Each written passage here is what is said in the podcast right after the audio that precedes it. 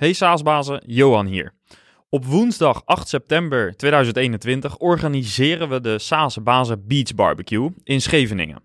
De barbecue is uitsluitend voor founders en C-level execs van SaaS-bedrijven. En we starten al in de middag met twee inhoudelijke kennissessies, waarna we gezellig gaan borrelen en gaan barbecuen dus. We maken er dus een leerzame, maar vooral hele gezellige dag van, met volop mogelijkheden om met andere SaaS-bazen te praten. Ik ben zelf ook heel blij dat Jan Aleman, voor veel van jullie een bekende naam, dan ook in Nederland is en de barbecue ook bijwoont en iets gaat vertellen over sales. Kortom, zorg dat je erbij bent. Schrijf je in via saasbazen.nl. Klik even op barbecue of klik de link in de show notes van deze aflevering. Yes, welkom bij weer een nieuwe aflevering van de SaaS Bazen Podcast. Mijn naam is Johan de Wit, host van deze podcast en oprichter van Noordhaven.io. In deze podcast ga ik met SaaS-bazen in gesprek over hun business. En naast deze podcast is er ook een online community voor SaaS-bazen en een tweewekelijkse online meetup waarin we praten over onderwerpen die jou als SaaS-baas bezighouden. Ga naar saasbazen.nl voor meer info. Vandaag verloor je omzet zonder dat je het weet. Dat is de boodschap van Lead Info, een Rotterdamse SaaS skill-up die jou niet alleen dat slechte nieuws brengt, maar ook vertelt hoe je erachter komt waardoor je omzet verloor. Lead Info vertelt je namelijk welke bedrijven jouw website bezoeken. En daarmee zie je precies dus welke bedrijven je website bezoeken en vervolgens uh, ook niets bestellen of niet aanmelden. Het werkt heel simpel. Installeer een klein scriptje op je website en bekijk in een super overzichtelijk dashboard welke bedrijven er op je website zitten, welke pagina's ze bekijken. En dat niet alleen. Leadinfo geeft ook allerlei handige informatie over die bedrijven. Denk aan e-mailadressen, bedrijfsomvang, links naar social channels en ga zo maar door. Ik maak zelf graag gebruik van Leadinfo en ik zie bij veel SaaS-bedrijven die het gebruiken dat sales een extra instrument heeft om deals te scoren. Wil je weten hoe het werkt? Ga even naar leadinfo.com slash saasbazen. Hoe manage je hypergrowth?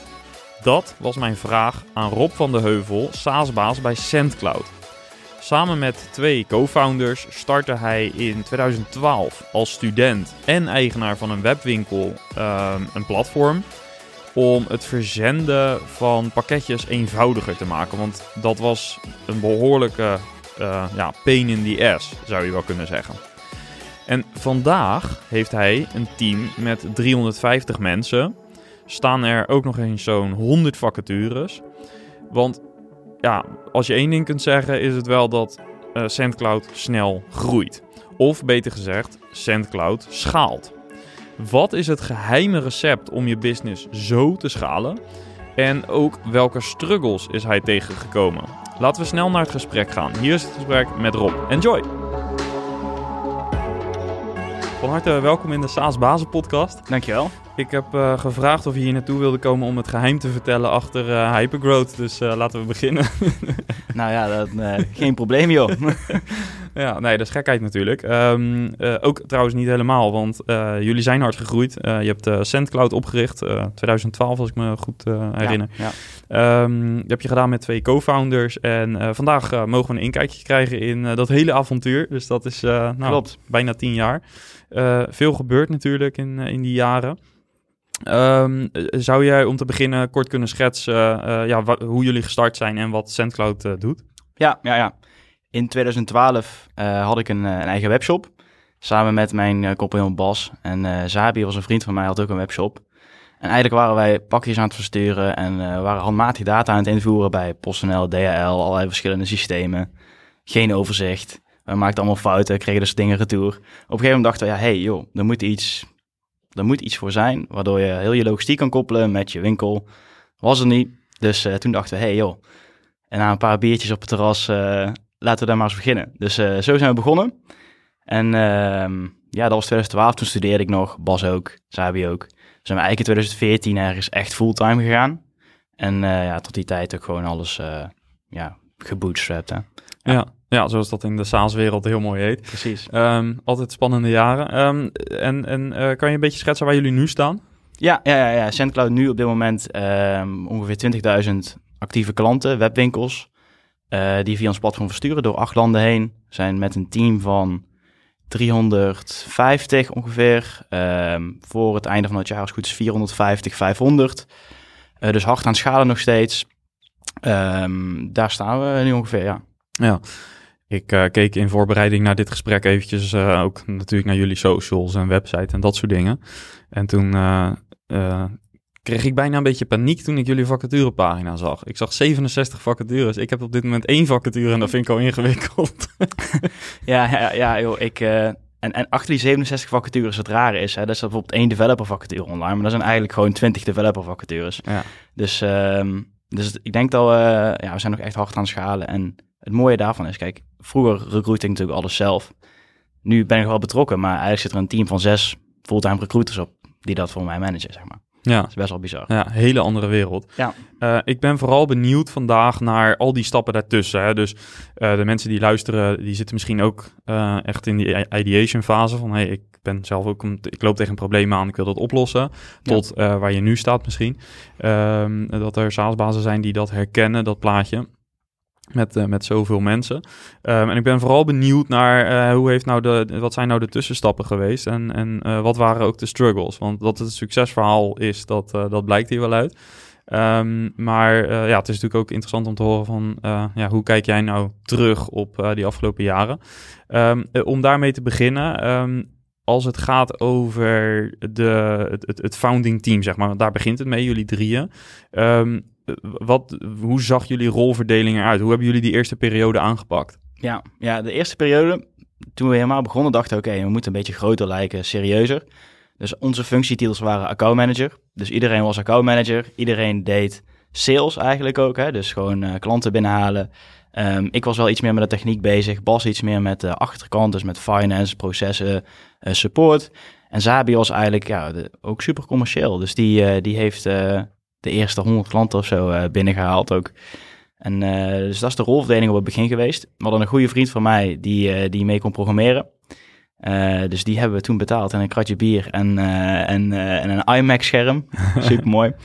Een hele goede gast. Die is toen naar New York gegaan op een gegeven moment. En ehm, ja, dus zo is het eigenlijk toen, toen begonnen. En die rolverdeling die heeft zich een beetje natuurlijk ontwikkeld. Dus het was niet zo van ik wil de CEO zijn of zo. Of, eh, of, eh, of dat we daar ooit struggle of zo mee hebben gehad. Startup Bootcamp hebben we ooit gedaan in 2014. En toen moesten we per se die titels. Zo, En wat was daar de gedachte achter? ja, iedere start-up moet een CEO hebben. Iedere start-up moet... eh, en wij, wij waren ja, best wel, hoe zeg je, down to earth. Dus wij dachten, ja, hoezo, waarom? We zijn nog geen CEO, we zijn met zes of zo. Waar slaat dat op? En ehm, nou ja, goed, uiteindelijk begreep ik natuurlijk wel waarom. Want als je nu terugkijkt, was dat... Die rolverdeling is wel nodig, ook als je investment op gaat halen. Ehm, investeerders willen toch altijd met de CEO of met de, in ieder geval de eindverantwoordelijke op die manier spreken. Dus die onders dat onderscheid is wel nodig. Ja, want eh, wanneer zijn jullie toen begonnen met eh, de, de investe- eh, ja, investeringen ophalen? Ja, dus we hebben de eerste 2,5 jaar gebootstrapped, onszelf ook niks uitbetaald. Wel op een gegeven moment mensen aangenomen die, die we wel betaalden, zeg maar. In principe alles, alles voor de groei. Het fijne van nog student zijn is dat je eigenlijk geen vaste last hebt. Dus daar hebben we echt een, een ja, hoe zou ik het zeggen, een groot voordeel mee gehad. En we waren nog lekker naïef. Dus ja, als, je, als ik nu terugdenk van ja, hoe je vanuit, eh, vanuit zoiets kleins, zeg maar iets heel groots, ben ik veel werk, man. En, eh, en toen dacht ik, ja, is gewoon leuk. We zien wel waar het schip strandt. En eh, ja, dat is op zich wel een lekkere attitude om, om een business mee te beginnen. Maar in ieder geval dus tweeënhalf jaar eigenlijk echt van, van, van niks begonnen. Opgebouwd, mannetje of zes, zeven, uiteindelijk eh, toen funding opgehaald. Na Startup Bootcamp bij twee Angels. Eh, veel te weinig. Dus eh, we hadden toen echt iets van 40 aanbiedingen of zo dat we konden kiezen. En eigenlijk hadden we die ronde veel groter moeten maken. Maar toen hebben we 150.000 euro gedaan. Want wij dachten, ja, 150.000 euro man, veel geld. Was ook veel geld. Maar zes maanden later was het gewoon op. Dus dan moet je weer. En ja, ja dat zijn al van die dingen die ik denk van, ja, had nou gewoon zes ton op van een half miljoen opgehaald. Dat je veel langer doorgekund. Maar eh, ja, dat zijn van die, eh, Ja. van die momenten. ja, dat is dus de eerste les. Dus zorg dat als je funding gaat ophalen, dat je ook eh, verder vooruit kan dan een paar maanden. Ja, precies. En ja, ons financiële model toen dat tijd, toen groeiden we 6% per week.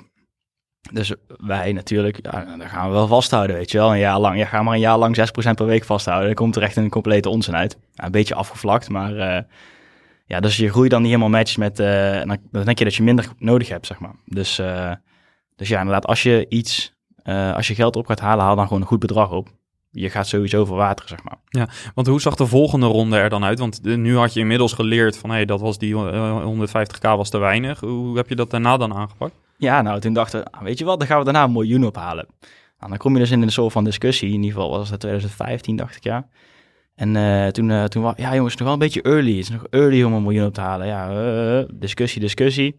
Op een gegeven moment, na, denk ik, een, toen waren we ook nog niet zo goed in fundraising. Maar op een gegeven moment, na een, na een maandje of drie, vier, hadden wij eigenlijk alleen maar een aanbod liggen voor een half miljoen. Nou, toen hebben we het allemaal gedaan. Van eh Sanema Ventures toen de tijd nog, die, ja, die er toen in zaten, ja. Ja. Eh, je zegt, toen waren we er nog niet zo goed in. Ehm, nu eh, ben je er beter in, want je hebt inmiddels meer rondes gedaan. Eh, wat is het verschil tussen een goede en een niet goede fundraiser? Los Ja. van de hoeveelheid die je vraagt. Ja, het is, het is natuurlijk ook de markt, zeg maar. Dus de markt is nu gewoon veel, ja, er is veel meer geld dan, dan vijf, zes jaar geleden. En ehm, nu zie je bijna iedere dag wel een, een bedrijf 100 miljoen ophalen. Uh, vijf, jaar, vijf, zes jaar geleden in Europa, vergeet het maar. Dat was gewoon niet, eh, niet hoe het was. Dus het is A, de markt, maar ook B, eh, het, het pitchen, de plannen zelf, eh, de forecasts die erachter liggen, de financials. Ja, daar zijn we gewoon veel beter in geworden. En eh, als alles dan met elkaar klopt, het plan klopt met de financials, ja, dan, dan denkt een investeerder, oké, weet je, hier is over nagedacht. En ehm, ja, dan, dan, dan gaat het gewoon soepeler. Plus, we hadden toen ook als nadeel dat wij, wij begonnen SendCloud toen we 21 waren. Ja, je moet je voorstellen, ga maar een miljoen geven aan een stelletje 23-jarige, drie, ja, onervaren. Helpt ook niet mee. Hadden jullie toen op dat moment eh, bijvoorbeeld al wat coaches om je heen? Of deden jullie echt alles met z'n drieën? Nee, dit echt alles met z'n drieën. Dus eh, En, en wat was de rol van die, eh, die angels? Want die hadden geïnvesteerd. Ehm, de, waren die er op een bepaalde manier ook strategisch bij betrokken? Of? Ja, ja, ja. Kijk, we hebben... ehm, ja, die waren op bepaalde manier strategisch betrokken. Dus we hadden natuurlijk iedere maand een soort van segment hun. Maar wat ik ook geleerd heb, is dat investeerders kunnen wel wat waarde toevoegen, hè, uiteraard. Maar het is niet zo van uh, een investeerder verandert heel jouw, uh, jouw business. Het is, uh, ja, dus ja, het helpt mee. Maar het is niet zo van game changer of zo. Nee, want kan je eens wat dingen noemen waar jullie uh, vastliepen, zeg maar, in die vroege jaren en waar het moeilijker was om hulp te krijgen? Ja, ja nou, we zijn echt meerdere keren vastgelopen. We zijn na jaar één of zo heeft, uh, heeft uh, de, enige voerder die we toen hadden, Post, heeft ons ooit afgesloten. Vanwege, ja, dat is ook niet heel relaxed, hè. Dan heb je 200 klanten of zo en dan één op de andere dag kan niemand meer versturen. Zo. En ja, dan zit je gewoon drie, vier maanden zonder, eigenlijk zonder business. Dus dat is ooit gebeurd, joh. Dan, toen hebben we daarna contact met ze opgenomen, uh, best wel lange discussie gevoerd, uiteindelijk toch weer online kunnen komen. Maar uh, dat was in 2013, dachten we al, oh shit, het wordt na een, een jaar al gekild. Dus, dus dat en daarnaast, ik hou wel van risico nemen en ik ben best wel opportunistisch. Dus wij geven het geld al uit, zeg maar, voordat wij de fundingronde binnen hebben. Dus je ziet, zeg maar, aankomen, op een gegeven moment zijn we twee of drie keer bijna gewoon failliet gegaan, dat we onszelf alweer een maand of zes niet aan het betalen waren. En, uh, en dat je dan op een gegeven moment denkt van, oh ja, hm, dat wordt nou wel heel krap. Uh, maar goed, ik dacht altijd, ja, je moet maximaal blijven gaan. Anders word je ingehaald. Dat, was, dat is mijn grootste... Is, ah, is of was? Was, was. Ik ben daar wel een beetje van teruggekomen. Niet alles gaat om snelheid of, uh, of maximaal risico. En, en wat heeft je op dat inzicht gebracht?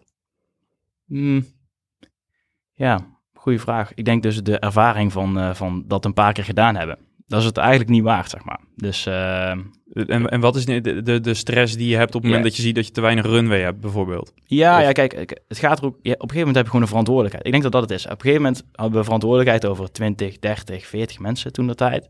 En dan daalt wel een beetje besef in van, wacht even. Ik speel niet alleen maar mijn eigen salaris. Want ik, ik, heb, ik heb natuurlijk... Ik dacht, ja, maximaal risico. Wat maakt het uit als het allemaal misgaat? Dan, uh, dan, kom, dan kom ik er toch wel, ga ik gewoon ergens werken of zo, weet je wel. Ja. En, uh, maar ja, goed, ik heb natuurlijk 40 mensen in dienst die, uh, die ja, op ons bouwen een beetje voor hun, eh, voor hun salaris. En eh, ze hebben misschien allemaal een huis, hypotheek, kids. Ja, dan dat, dat, dat op een gegeven moment heeft het wel een beetje getemperd. Ja. Dus nu, nu denk ik ook wel, ja, oké, hm, 350 mensen. Nou, misschien heb je allemaal vriendinnen, een paar kinderen. Dus eigenlijk zijn er indirect misschien wel eh, duizend mensen of zo van ons enigszins tot een bepaalde vorm afhankelijk. Ja, dus dan kun je gewoon niet, niet meer zo maximaal Nee, gaan, zeg nee. maar. Is ook niet meer nodig trouwens. Du- dus eigenlijk ehm, was je gewend en het zit een beetje in je natuur om op de aanval te spelen. Maar je hebt ook geleerd om aan je defense te denken. Juist, Ja, juist. ja, Oké, dat is een mooie ontwikkeling, denk ik. En, en ook belangrijk naar investeerders toe, denk ik. Ja, ja, ja, dus het is ook gewoon een stuk. Ja, maar het scheelt ook in de fase waar je zit. Hè. We zijn een stuk stabieler nu. Dus we kunnen goed forecasten waar we iedere maand gaan, eh, gaan omzetten. We weten wat we binnenhalen. We weten wat één salespersoon of één, eh, één marketeer toevoegt. Dus het is gewoon een stuk meer volwassen geworden eigenlijk. Ja. Ja. Wat ik ook vaak hoor is eh, bij echt scale-ups, hè, de fase waar jullie natuurlijk ook in zitten, eh, dat eh, er zijn een aantal begrippen over triple, triple, double, double, Oh, double, ja, ja. een beetje dat soort fenomenen. Eh, en, en ook eh, de, de, de angst soms dat je ingehaald wordt door een concurrent die wel eh, een paar honderd miljoen ophaalt. Zeker. Ehm, heeft dat nog een rol gespeeld in, ehm, ja, de- zeg maar wat je net zei, ik wilde altijd heel snel en we willen nog steeds snel, maar wel gecalculeerder of zo. Zit dat er ook nog in? Nou, triple, triple, eh, triple, triple, triple, triple, double, double, double, double. Die, die vond ik wel echt super mooi toen ik die zag. Toen dacht ik, hé, hey, daar zijn we eigenlijk een beetje aan het volgen. Alleen, eh, ja, dan kon je dus zo snel mogelijk naar, eh, was het een 100 miljoen company Ja, of zo? Was het ja, toen, hè? 100 ja. miljoen ARR. Nou, dacht ik, oké, okay, dan zitten we aardig on track.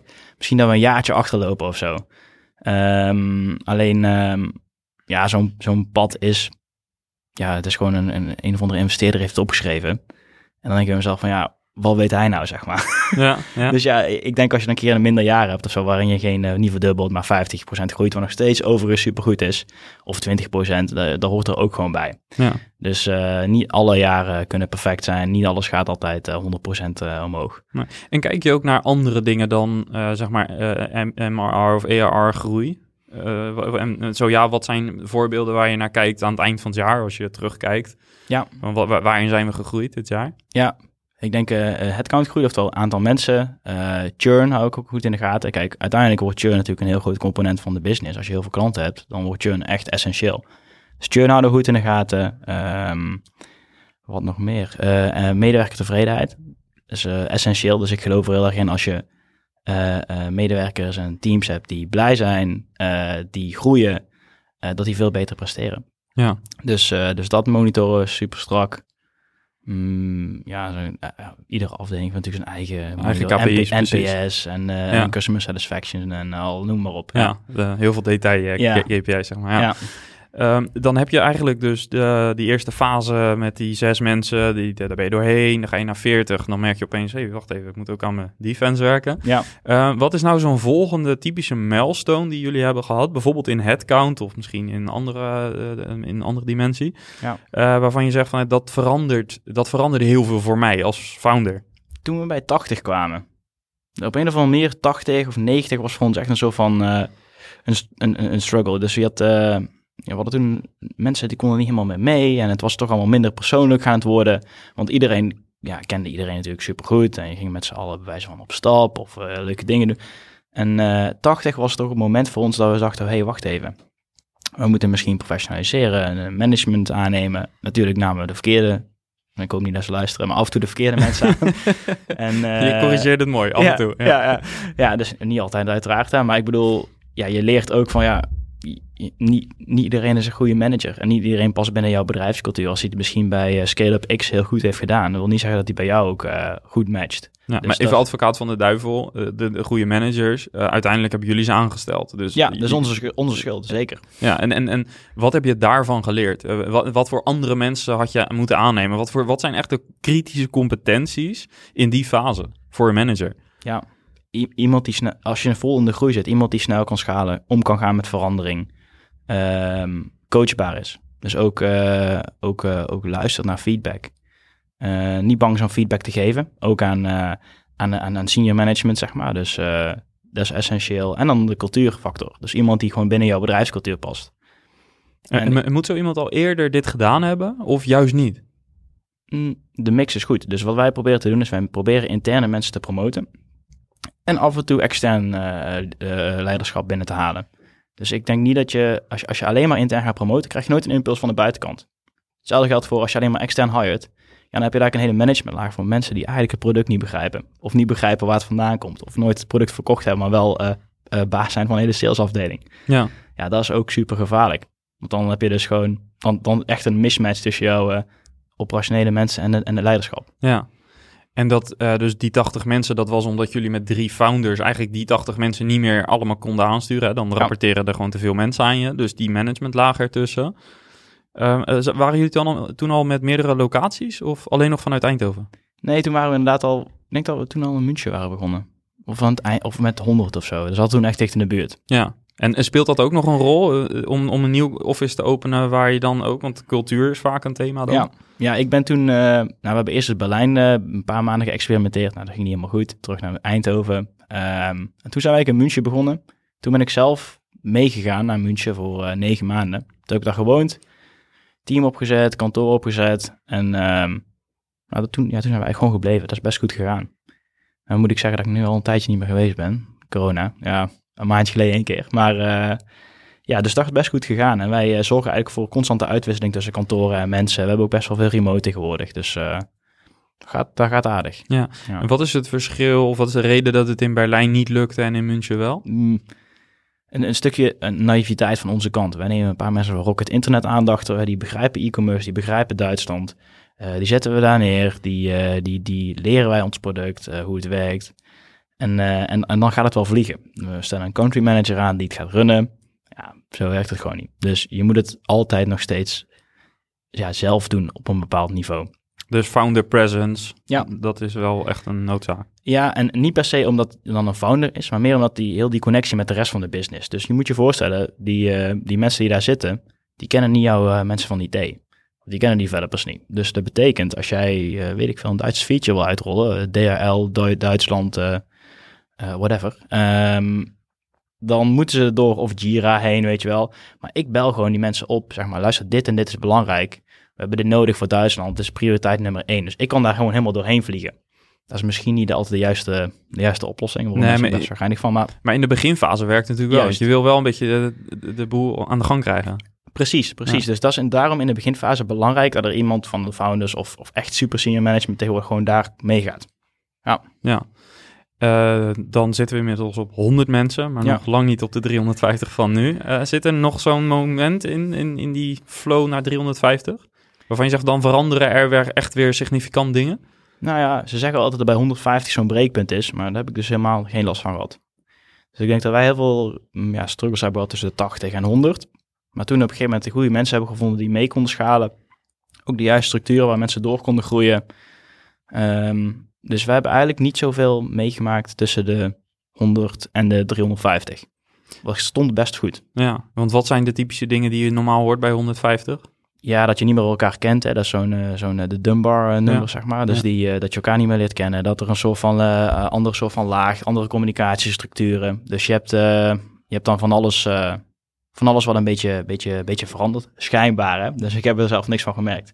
Aan de andere kant, wij zijn, denk in 2019 mei waren we met 100. Dus dat heeft best lang geduurd. Als je kijkt, nu is het 21 augustus. Nu zijn we met 350 in september beginnen er 33 nieuwe mensen weer. Dus het gaat nu ook wel echt bizar hard, zeg maar. Ja. Dus het is... Uh, ja, misschien heb ik het ineens door dat het eigenlijk al misgaat. nee, ik weet niet wat voor gesprekken je voert met, met, met founder, met je, je twee co-founders. Uh, wat, wat zijn nou een beetje de, de dingen waarvan jij zegt van... Die heb ik tot vandaag wat minder onder controle... Of dat, dat onderdeel binnen de hele business heb ik het moeilijkst onder controle. Goeie vraag. Ik denk development. Ik denk uh, dat is ook moeilijkst te meten. Kijk je met sales, support, marketing, het is eigenlijk best wel meetbaar. Maar als je kijkt naar, uh, naar nieuwe features uitrollen of ja, development is weer moeilijk grijpbaar, zeg maar. Als dingen vertraagd zijn, ja, waarom is het dan vertraagd, bij wijze van? Bij sales kun je gewoon zeggen, hmm, ik zie dat je, weet ik veel, 40% minder, minder uitbelt dan dan jouw collega. En daardoor zit er 40% eh, minder resultaat in, zeg maar. Dus dat is best goed om... Uh, nou, dat kun je gewoon makkelijk kwantificeren. En hetzelfde voor support. Ja, ik zie dat jouw uh, customer satisfaction score 30% lager ligt. hoe kan dat, zeg maar. Dan ga je, dan ga je natuurlijk deep, deep dive en als iemand dan uh, alle e-mails begint met, uh, hey lul, ja, ja. dan moet je niet hebben natuurlijk. ja. Ja. ja, dat zijn de makkelijkste. Ja. ja. En, en uh, op gebied van product development, wat, wat zijn ehm, dan acties waar, je, waar, waar jullie het over hebben om dat te verbeteren? Of verbeteren is misschien niet het goede woord, maar om daar meer grip op te krijgen? Ja, de, om daar meer grip op te krijgen. Ja, wij zijn heel erg fan van mensen zelf verantwoordelijkheid geven. Dus ik heb dan ook een gesprek met mijn CTO of met, met eh, VP Engineering bij ons. Um, maar ik wil dat de mensen zelf nadenken, zeg maar. Dus wij willen eigenlijk de beslissingbevoegdheid binnen de organisatie zo laag mogelijk duwen. Omdat je dan uh, ook veel ownership krijgt over die beslissingen die je maakt. En als je ownership hebt over een beslissing of een keuze, dat betekent dat je als het goed is ook daar meer voor doet of beter voor werkt. Um, dus ik, ik geef zeg maar feedback ook aan de mensen direct van hey, het loopt misschien niet helemaal goed of uh, heb je dit gezien of uh, hey, ik zie dat dit en dit en dit gebeurd is. Wat vind je daar nou van? Maar ik wil dat mensen zelf die beslissing maken. Dus wij blijven er eigenlijk een beetje vanaf. En dat is misschien ook wel een groot, uh, groot deel van waarom wij ja, niet zo gestrest zijn over het algemeen. Dus wij laten mensen gewoon zelf kiezen. Ja. En, ja. Wat heeft dat van jou gevraagd? Want je zei net bijvoorbeeld in München moest ik echt heel kort op de bal zitten. Wat ik vaak zie bij founders is dat ze in die transitie van founder naar CEO, dat, het meest, dat het moeilijkste is, of een van de moeilijkste dingen is om het los te laten. Hoe, hoe is dat voor jou geweest? Dat is ook, dat is ook heel moeilijk. En ehm, ja, soms, soms gaat het nog steeds wel mis. Hoor. En dan zie ik iets, dan denk ik, oh mijn god, waarom is dit nou weer niet gedaan? Of hoe kunnen ze dit nou doen? En dan vlieg ik er nog steeds wel doorheen. Maar het mooie is van, van dus, zo'n best wel open organisatie waar mensen hard feedback geven. Ik word er gewoon teruggeduwd. En dat is gewoon Rob, ga gewoon terug in je hok. Oké, ja, sorry. dus, uh, dus dat is... Uh, maar je hebt wel even je punt gemaakt. Ja, ik heb wel mijn punt gemaakt. Dus dan zullen ze vast wel even naar kijken. Maar dan denken ze, ja, oké, weet je, laat maar weer... Uh, ik, een van mijn grootste, denk ik, punten die... Ja, verbeterpunten, hoe je het ook wil noemen, is dat ik ben gewoon ongeduldig. Dus daar zit, zit er altijd in mij ongeduldig en een beetje competitief ja, dan, dan, dan vlieg ik nog wel zo uit de bocht. Maar dan heb ik, ja, dat, leer je gewoon door dat andere mensen tegen je zeggen, Rob, bemoei je daar niet mee. Blijf alsjeblieft weg. Oké, is goed. Ja. Maar toch kan je het incasseren dus. Ja, ja, incasseren vind ik wel mooi. Kijk, ik, feedback vind ik mooi. Dan, daar leer ik van. Ik denk dat jij als uh, founder, als jij nooit feedback van je team krijgt en iedereen denkt, oh, je bent helemaal geweldig. Denken ze natuurlijk nooit. Maar dan heb je eigenlijk best een probleem met jouw team. Ja. Dan, uh, dan wordt er niet echt, heb je geen open cultuur. Nee. En nog even terug naar, uh, zeg maar, dit, uh, dat je zei van, nou, er moest een manage management laag tussen hebben, die 80, bij die 100. Ja. Uh, hebben jullie ook bijvoorbeeld een bepaalde werkmethodiek of een bepaalde organisatiestructuur, zeg maar, à la scaling-up methode bijvoorbeeld geïmplementeerd? Um, het antwoord daarop is nee. we hebben eigenlijk onze eigen methode. Dus we, hebben, we pakken wat elementen uit scaling-up, we pakken wat elementen uit, uit OKR's, maar eigenlijk onze eigen eigen methode. We hebben het allebei geprobeerd en allebei was het gewoon net niet. En waar dus kwam dat door? Ja, ik weet het niet. Het is gewoon of uh, bijvoorbeeld bij OKR's, die, die meetings dan met het hele team, dat je bottom-up uh, uh, doelen moet gaan zetten. Um, op een gegeven moment hadden teams daar gewoon geen zin in. Dat is gewoon van, ja, oké, dan gaan we weer OKR's zetten. Die moeten dan over die ambitious zijn. Die gaan we dus nooit 100% halen. Nou, prima. Dus een 7, 7 out 70% of zo is dan prima. En, en op een gegeven moment, het klikte gewoon niet met het bedrijf. Het was gewoon van, ja, hm, wat een onzin. Um, we, willen niet ieder kwartaal uh, of iedere, iedere, iedere maand uh, op die manier samen zitten, kost heel veel tijd. Um, dus toen hebben we eigenlijk een beetje de combinatie gemaakt van inderdaad scaling up en het met een B-hack, dus een, uh, een Big Harry Audacious Goal, met, gecombineerd met kwartaaldoelen. Dat wel, maar dan gewoon, gewoon op, een, op een relaxtere manier of zo ingestoken. Dus niet helemaal volgens, het, volgens een vast format of, of, of, of, die video OKR-structuur. Uh, maar we werken wel met een soort van kwartaal ritme. Uh, vijf jaar doel, drie jaar doel. Dus dat is een beetje uit, uh, uit scaling up. Ja. Um, maar niet, ja, we pakken elementen eigenlijk uit die dingen. Dat doen we met heel veel dingen. Bijvoorbeeld Scrum en Agile in development. Precies hetzelfde. We pakken elementen uit Scrum en Agile die goed werken voor ons. En die implementeren we en dingen die niet goed voor ons werken, die laten we lekker links liggen. En hoe maak je dat schaalbaar? Want als je een methode hebt en een boek en een video en dat soort dingen, dan kan je zeggen van nou jongens, als je nieuw bent, uh, de komende 30 dagen krijg je wel training, dat soort dingen. Uh, en uh, lees dit, kijk dit en dan kom je er wel. Ja, ja. hebben jullie daar ook soort eigen guides voor of playbooks? Of? Ja, wel. Kijk, onboarding is bij ons best wel strak geregeld. Dus als je bij ons binnenkomt, krijg je initie- ieder, iedereen komt sowieso op naar het hoofdkantoor. Dus op de eerste dag van de maand krijg je altijd een groep van directe mensen die ook gaan onboarden. Dus wij geven dan training aan een groepje van tussen de nou, 10 en, en 30. Ehm, en die krijgen altijd gewoon een vast, vast palet aan sessies. Hoe product werkt, hoe dit werkt, hoe dat werkt. Ehm, dus op die manier doen we dat. En daarnaast hebben we ook eh, ja, een soort van learning and development tools geïmplementeerd. Eh Lessonly bijvoorbeeld, die eh, is ook een SaaS-tool overigens. Die, ehm, ja, daar kun je van die lessen volgen over, eh, over de business. Eh Confluence gebruiken, we documenteren best wel veel. Ehm, ja, dus, dus we hebben daar wel onze methodes voor, zeg maar. Ja.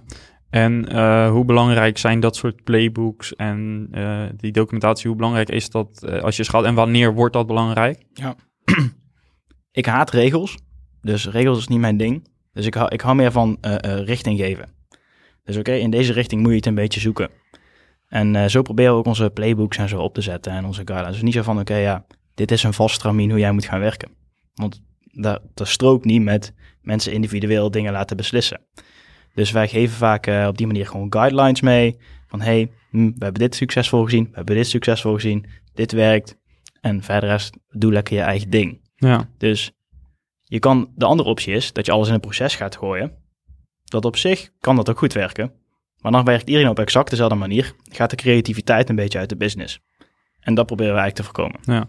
ik moet heel erg oppassen wat ik nu ga zeggen, want hiermee kan ik misschien wel een verkeerde indruk wekken. Maar eh, mijn ervaring, beperkte ervaring hiermee, is dat eh, dat ook per land verschillend kan zijn. Want Nederlanders zijn niet zo volgzaam, hè? dat geldt op heel veel vlakken, maar dus ook in de business uitzicht dat vaak.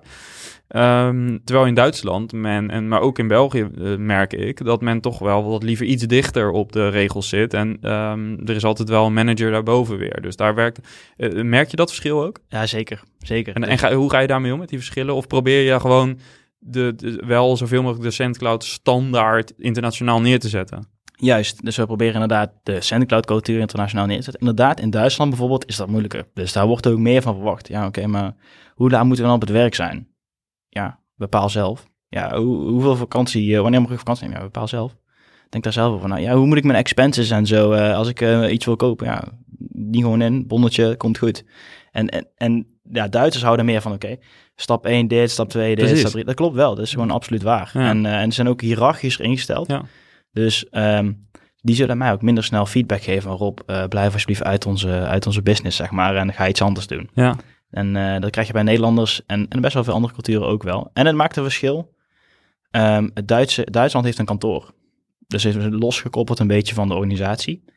En Italië, Spanje, Frankrijk, België, eh, de UK zit allemaal bij ons in Eindhoven. Dus we hebben die mensen gewoon allemaal ge- hier naartoe gehaald, allemaal natives. Ehm, ja, die gaan dan veel makkelijker mee, omdat iedereen om hen heen al die Ja, cultuur precies. leeft. Ja. Dus, eh, dus inderdaad, de Duitsers specifiek voor ons is al een... eh, ja.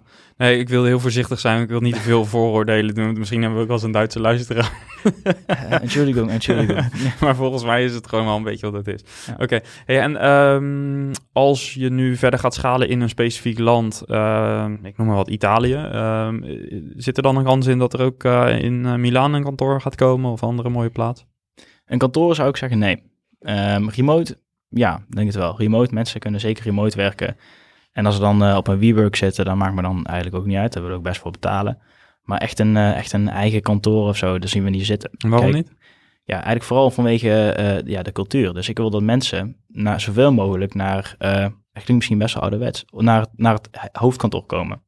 Omdat ze dan andere mensen leren kennen, IT'ers, andere landen. Bijvoorbeeld als je in Italië zit en je doet sales. Italië is een van onze nieuwste markten. Nou, dan kun je misschien heel veel leren van Spaanse of Nederlandse of, of Belgische salesmensen. De, want die zitten in, in de verschillende fasen van schalen. Um, dus ik wil juist die interactie zoveel mogelijk hebben.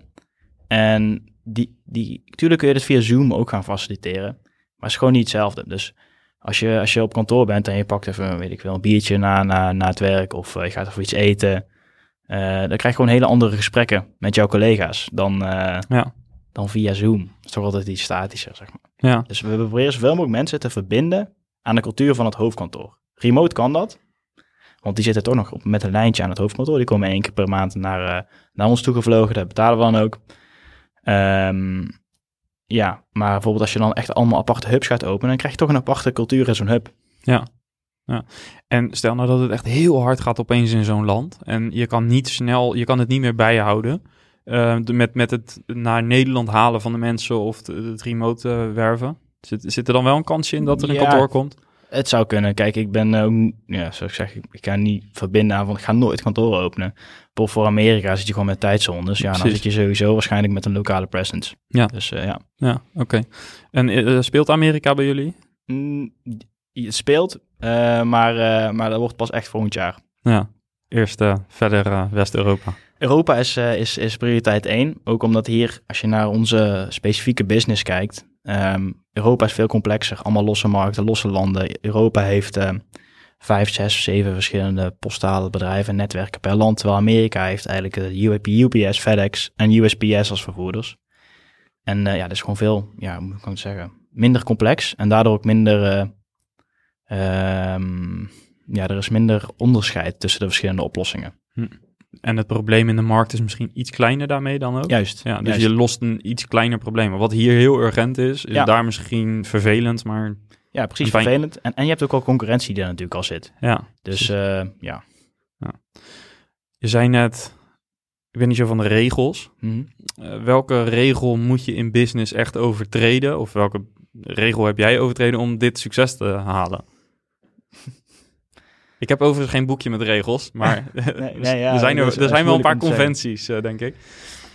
Ja, ja, hoe zou ik dat zeggen? Ja, eh, moeilijk om, mo- vind ik een moeilijk te beantwoorden vraag. Ik doe gewoon alles in mijn eigen stijl een beetje. Dus ik, ik probeer wel te leren van, eh, van, eh, van boeken en van andere mensen. Maar ja, we hebben eigenlijk niet echt coaches. We hebben niet echt eh, eh, mentors of zo om ons heen. We doen gewoon alles op onze eigen, eigen manier. Denken zelf na. Ik denk vaak dat, eh, dat dat ontbreekt af en toe. Dat mensen gewoon... Oké, ik heb dit in een podcast gehoord, hè, voorbeeldje. Ja. Ja, dus laat ik hem meteen implementeren. Maar vervolgens, misschien werkt het helemaal niet voor jouw business. Denk zelf na voordat je, voordat je iets doet. Dus regels, eh, ja, ik hou gewoon niet van, ja, regels is gewoon niet mijn stijl. Je En- kent ze eigenlijk gewoon amper. Je kijkt er niet eens naar. Ja, dat, dat is het voordeel van vroeg beginnen. Ja. Want ik heb nooit echt bij een groot bedrijf gewerkt. Nee. Of ik heb nooit echt, ja, ik was student, dus ja, wist ik veel. Ja. Dus alles gewoon op je eigen manier zelf uitgezocht. En natuurlijk maak je dan echt stomme fouten. Zeker weten, dus weet ik veel, met contracten en... eh, maar, dat, maar dat even terzijde. Ehm op zich, het is gewoon super lekker om zo te beginnen. Ja. Ja. Ja, en ik denk dat die fouten, die fouten ga je sowieso maken. Ook als je de regels en de boekjes wel volgt. Eh, eh, ik ben ze nog niet tegengekomen die zeggen, nee, ik heb het allemaal eh, perfect gedaan wat dat betreft.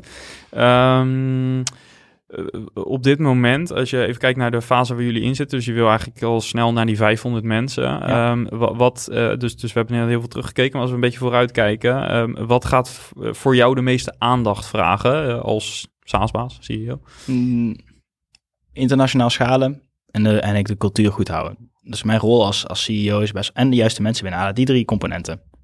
Voor de rest, eh, ja, natuurlijk moet ik wel dingen doen. En als echt shit is de fan, dan moet ik gewoon ingrijpen. Maar voor de rest moet de organisatie zichzelf kunnen runnen. Dus eh, dat zijn eigenlijk de drie dingen. En ehm, En ehm, als we iets verder kijken, eh, we hebben dan die 500 mensen, dat gaat Ja. dus vrij snel. Ja. Waar, waar zie jij verder kansen voor, om verder op te schalen? Ja, overal. Kijk, probleem van onze business is eigenlijk dat wij eh, A, internationaal kunnen gaan, dus meerdere landen aanhaken. We kunnen diepte ingaan met ons product. Eh, ja, ik ga, ga, het heeft niet heel veel nut om uit te leggen, maar we kunnen dieper het, het, warehouse in. We kunnen eh eh, fulfillmentbedrijven aan gaan sluiten die, die, die andere zaken doen. We kunnen vervoerders, onze klanten maken. We kunnen heel veel kanten op. We kunnen de datakant op, eh, we kunnen de AI-kant op. En er zijn eigenlijk te veel opties om, om te nemen. En eh, mijn probleem is ook, ik ben een opportunist. Dus ik zie, oh, dit is een mogelijkheid, dit is vet, dit wil ik doen. Dus eigenlijk om nee te zeggen tegen een aantal dingen. Ehm, maar ja, goed, als je een beetje verder vooruit kijkt, dan verwachten wij in 2025 A, een beursgang. Eh, B, dat we rond de 15, 1600 mensen zitten. Ehm, dat het nog steeds tussen de 60 en 80 procent groeit per jaar. Ehm, en dat we sterk marktleider zijn in Europa met een goede presence in, eh, in Amerika. Ja, En nog een paar andere markten tegen die tijd. ja. En ben jij nog steeds CEO dan? Als het, nou, kijk, ik zal het zo zeggen. Als het goed is wel. Eh, maar zo, als, zodra ik ophoud met leren of ik een bottleneck begon, word voor de business, dan, dan mogen ze mij gerust inruilen. Ja, En dan ga ik wel eh, op de Bahamas liggen samen met eh, mijn twee co-founders. ja, want die gaan dan mee. Die gaan daar wel mee. Dan wil je ja. er niet even vanaf een keer. Nee, nee, nee. We, we hebben gezegd, oké, eh, als eentje gaat, dan gaan we met z'n allen. Dus eh, de, da- ja, Oké, ja, dat, eh, vra- dat vraagt wel wat eh, commitment eh, over en weer, ja. Ja, ja. Oké. Hey, en verder nog even persoonlijk over jou, want ehm, en nu zoveel jaren, eigenlijk bijna tien jaar nu in deze, ja, mag ik het red race noemen? Mag ja, dat? ja, ja, ja, ja. Ehm, eh, wat, wat doe jij voor jezelf om nou ja, scherp te blijven is denk ik belangrijk, maar ook rust te bewaren, rust in te bouwen. Je hebt een privéleven, noem Ja. het allemaal op. Hoe doe je dat? Nou ja, ik, ehm, laat ik beginnen met mijn manier van werken. Is, ik werk over het algemeen gewoon normale kantooruren. Hè? Behalve als het echt nodig is. Dus omdat je normaal gewoon normale uren werkt, heb je ook af en toe de energie voor een grote piek. Hè, Stel je voor, je zit in het midden van financiering rond in de deuntjes en je moet een keer een paar weken 80 uur werken. Dat kan dan ook gewoon. Dus ehm, de balans is op zich best wel, eh, best wel goed te vinden.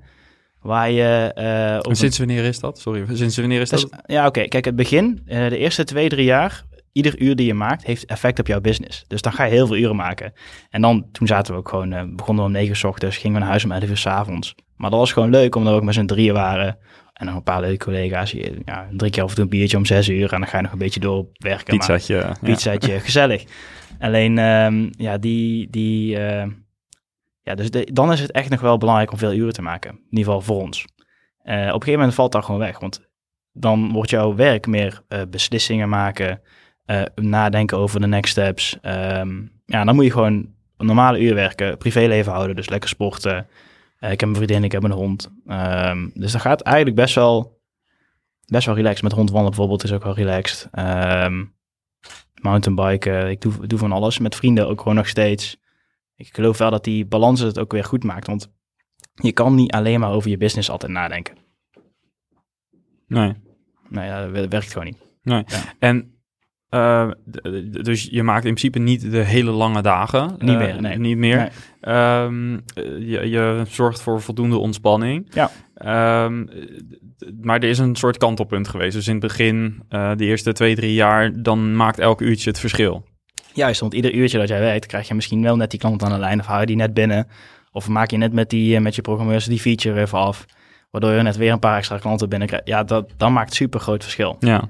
En, ehm, maar ja, het is, het is een super cliché dit, hè, maar het is, dat is een sprint. Dat werkt goed voor een afzienbare tijd. Ik, heb nooit, ik ben nooit echt tegen de lamp aangelopen. Dat ik tegen een burn-out of zo aan zat. Daar heb ik niet zo heel veel last van. Daar ben ik ook niet, denk ik, eh, voor aangelegd. Ehm, maar je, je, ja, het werkt gewoon op een gegeven moment niet meer. Dus je zit dan, je werkt dan, je bent er. Maar ben je er mentaal nog echt? Doe je echt nog iets? Voeg je Ja. nog echt iets Ben je toe? productief of ben je Ben je- uren aan het maken? Precies, Ja, precies. Dus, die, eh, dus die, op een gegeven moment hebben we die switch denk ik in 2015 of zo een keer gemaakt. En eh, toen dachten we, ja, joh, waarom, waarom 80 uur, waarom 60 uur? Je kan er gewoon 40. Ja, Eh, of, of, ja, of de 45 jaar, whatever. ja. Ja. Maar dus, eh, wat je eigenlijk zegt, neem kwalitatief goede beslissingen. Ja. En ook zorg dat beslissingen, want eerder in het gesprek zei je al, neem zeker niet alle beslissingen zelf. Neem, leg de beslissingen zo laag mogelijk in de Juist. organisatie. dat je met grotere beslissingen en grotere problemen bezig kan zijn. Juist, ja. of, of alle beslissingen van vandaag moet jij eigenlijk niet mee bezighouden. En misschien de beslissingen van morgen wel, zeg maar. Dus van Hm. over een jaar, waar willen we heen? Waar willen we staan? Eh, wat is belangrijk voor onze business? Wat voor cultuur willen we in ons bedrijf hebben? Wat voor mensen willen we aannemen? Kijk, die dingen, daar moet je over nadenken. Ja. Eh, niet zozeer van, eh, ja, moet eh, deze knop rood of blauw worden? je Ja, moet veel eerlijk, strategischer zijn. Ja, even precies. een paar niveaus hoger en, en richting de en toekomstgericht, zeg maar. En dan meer ambitieniveau of zo dan, dan echt day-to-day beslissingen. Wat ik heel knap vind, is dat je dus... eh, het, het lijkt best wel van binnenuit te komen. Ehm, of dat nou bij jou persoonlijk is of vanuit het founding team. Maar wat ik toch veel zie om me heen, is dat, eh, dat, dat er heel veel klankborden nodig zijn. Of nodig zijn, maar dat veel SaaS-bazen veel klankborden om zich heen verzamelen. Formeel en informeel. Om ook een beetje dit soort inzichten op te doen. Maar dat lijkt bij jullie toch meer in het founding team te zitten. Ja, ik denk dat mijn Ja. grootste twee, twee klankborden zijn mijn twee co-founders. Ja, Dus ja. dat is het fijne van, van co-founders die, ja, we waren, zijn ook vrienden nog steeds. Dus dat is ook nog best wel, eh, best wel een ding. Ja. We, kunnen nog, we hebben gisteren nog een paar biertjes gedronken. Dus Ja. ja, ja. ook heel belangrijk. Ja, Ja, kan ja, me ja, voorstellen. ja, Ja, Oké. Ja, eh, super gaaf om, eh, om dat ook te zien. Nogmaals, vaak zie ik juist ehm, ja, dat er veel coaches en mentoren, en ervaringsdeskundigen zeg maar omheen eh, bewegen. Maar ehm, Ja, ik heb met Ja. sommige, bijvoorbeeld sommige van onze investeerders heb ik natuurlijk wel gewoon een goed gesprek, weet je wel. Eén keer in de maand of als er iets is, bel ik gewoon en dan gewoon even klankborden, zeg maar. Maar het is gewoon, dat is ook om ze op de hoogte te houden eh, en mee te nemen in de beslissing. Ja, Ehm, maar ja, maar ik, ja, ik heb niet zo heel veel mensen om, ons, om, om me heen verzameld of ik ga klankborden over de strategie van onze business. Ik had laatst een, een podcast geluisterd van Jitse Groen. ja, Dat was, dat was, hem- dat was misschien helemaal eh, best wel radicaal. Maar hij zegt gewoon, ja, niemand begrijpt je business goed als jezelf. Want ja, wie zit er nou al tien jaar in, in food delivery, zei hij. Hè? Ja, ik heb geen coaches om me heen die dat gedaan hebben over tien jaar. nee. En ik zeg niet dat dat, dat bij mij ook zo is, maar ik wil wel graag advies krijgen van mensen. Eh, maar ik heb gewoon nog nooit echt eh, de mentor of het niveau gehad waarvan ik dacht, nou wow, dat, dit werkt echt heel goed. Ja. Voor, Nou, voor, een tijdje wel, een maandje Ja. of zes, daarna is het zeg maar op vaak. Ja. Dat is misschien best wel raar, maar... Nou, eh, het kan ook te maken misschien hebben met het feit dat het, eh, een, een mentor of coach kan soms ook wat meer op het mentale zitten. Je zegt zelf al, ja, ik ben niet super gevoelig voor een burn-out. Ik hou mijn work-life balance behoorlijk goed in controle. Ja, Eh, daar hoef je, eh, want dat kan wel een onderdeel zijn. Waar je zegt van, oké, werk inhoudelijk. Een coach gaat mij niet zoveel vertellen, maar ik kan misschien wel de prikkelende vraag stellen om wat meer naar dat soort, naar mezelf te kijken, naar binnen te kijken. zeg maar. Juist, juist. En daar, daar heb ik wel eens af, dat hebben we wel af en toe gedaan. Op zich werkt dat best wel goed. Dus reflectief af en toe van, oké, wacht even. Als ik ongeduldig ben tegen mijn medewerkers en eh, lopen, wat voor effect heeft dat op die mensen? Dus dat is Ja. op zich wel, eh, dat klopt. Dat hebben we wel eens af en toe, eh, ja. Ja. Ja. maar dat is wel inderdaad van een andere orde. Het gaat Ja. minder over de business. Ja. Ehm, Oké, ehm, als het tot, tot slot. Ehm, we hebben natuurlijk de hele reis gemaakt van nou ja, drie founders naar nou, een stukje in de toekomst. Nog steeds drie 500 founders. mensen. Nog steeds drie founders, maar wel heel veel mensen erbij. Wat voor eh, thema binnen het, het CEO zijn, binnen het, SaaS-baas zijn, eh, vind jij het, het meest uitdagend en, en ben je ook het meest nieuwsgierig naar om jezelf te blijven ontwikkelen? Ook gezien de groei die er verder nog aankomt. Ja, ik ben benieuwd of, ik, eh, of wij in staat zijn om, om, om de juiste mensen bij elkaar te verzamelen. Om, om naar die 1500, 2000 mensen te gaan. Wereldwijd marktleider. Ik denk dat dat vooral de truc gaat worden. Dus het is, en als we de juiste mensen hebben, die doen het voor ons, zeg maar. Ja. Wij, wij, wij zijn echt niet hier eh, super briljant of zo. Eh, dat durf ik wel te zeggen. Ik denk dat wij gewoon redelijk normaal zijn. En ehm, als we de juiste mensen op de juiste plek neerzetten, dat dat zeg maar de grootste uitdaging voor mij persoonlijk is. Ja. En dat is gewoon moeilijk. Want ga die maar vinden. Ga maar eh een SaaS-bazen uit Amerika halen, zeg maar. Ja. En ze hier naartoe halen om mee te bouwen met jou. Ja. Dat is best uitdagend. Ja, het kent natuurlijk veel dimensies. Eh, er zit cultuur in. Ja. Eh, nou ja, eh, alles wat te maken heeft, met vakmanschap op al die verschillende gebieden, alle disciplines. Ja, er komt Ja. veel bij elkaar dan. Ja, Ja. ja. gaaf. Is er nog iets wat je zou willen delen met de luisteraar, wat vaak ook de SaaS-bazen zijn, Ehm, wat we nog niet besproken hebben vandaag? Een, een, inzicht of een moment wat voor jou belangrijk is, of wat voor jou doorslaggevend is geweest in, eh, in je avontuur met SendCloud so far? Ja, het is, het, is het is nooit één ding, zeg maar. Het is een combinatie van verschillende, verschillende zaken. En als je kijkt naar de dingen die wij mee hebben gemaakt in het verleden, dus eh, dat we gewoon afgesloten worden en niet meer kunnen, kunnen, eigenlijk de business niet meer kunnen runnen. Het is ook gewoon een kwestie van doorzettingsvermogen. En gewoon gaan en geloof in eh, je eigen kunnen. En verder is denk ik dat het gewoon belangrijk is om, om te blijven leren als SaaS-baas. Van, je, van de mensen om je heen, van je co-founders, misschien van andere bedrijven, misschien van boeken of zo. Wat ik, eh, ja, je moet niet arrogant worden of zo. Denken dat je alles weet. Dat pro- probeer ik echt te voorkomen. Want eh, voor je het weet word je door iedereen opgehemeld. Zeg maar, oh, wat een eh, super slim. Maar zeker niet doen. Dus ik zou zeggen, blijf gewoon lekker bij jezelf. Blijf lekker leren. En ja, that's it. Ja, ik vind het een mooie afsluiting. Dankjewel. Thanks, thanks Johan. Yes, en ben je op zoek naar meer inspiratie? Schrijf je dan in voor de SaaS-bazen Meetup. En luister niet alleen naar het laatste SaaS-nieuws, maar krijg ook een inkijkje in case studies van andere SaaS-startups en scale-ups. En neem zelf ook actief deel aan het gesprek. Ga naar saasbazen.nl en klik op, op Meetup voor meer informatie. Bedankt weer voor het luisteren. Laat een review achter om ons te helpen om de podcast steeds beter te maken. En hopelijk tot volgende week. Bye bye.